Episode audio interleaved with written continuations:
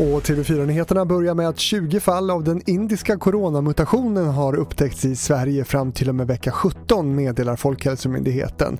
Av de 20 fallen har 15 kopplats till personer som rest från Indien till Sverige medan fem fall fortfarande är under utredning. Den biologiska mångfalden på jorden minskar allt snabbare. Människan påverkar 75% av landytan på jorden och 66% av haven. Detta enligt Världsnaturfonden. Och just nu förbereds ett stort FN-möte som hålls i Kina i höst där världens länder ska komma överens om hur trenden ska vändas. Det här är en lika akut kris som klimatkrisen, den som många uppfattar nu som väldigt påtaglig och hotar vår existens framåt. Men det här är faktiskt en än värre kris. Eh, det, är hela basen för människans försörjning som håller på att försvinna. Det sa Torbjörn Ebenhart som är förhandlare i den svenska delegationen. Till sist om en polis i Hälsingland som trotsade en avslagen semesteransökan och reste till afrikanska Seychellerna och sjukanmälde sig via sms därifrån.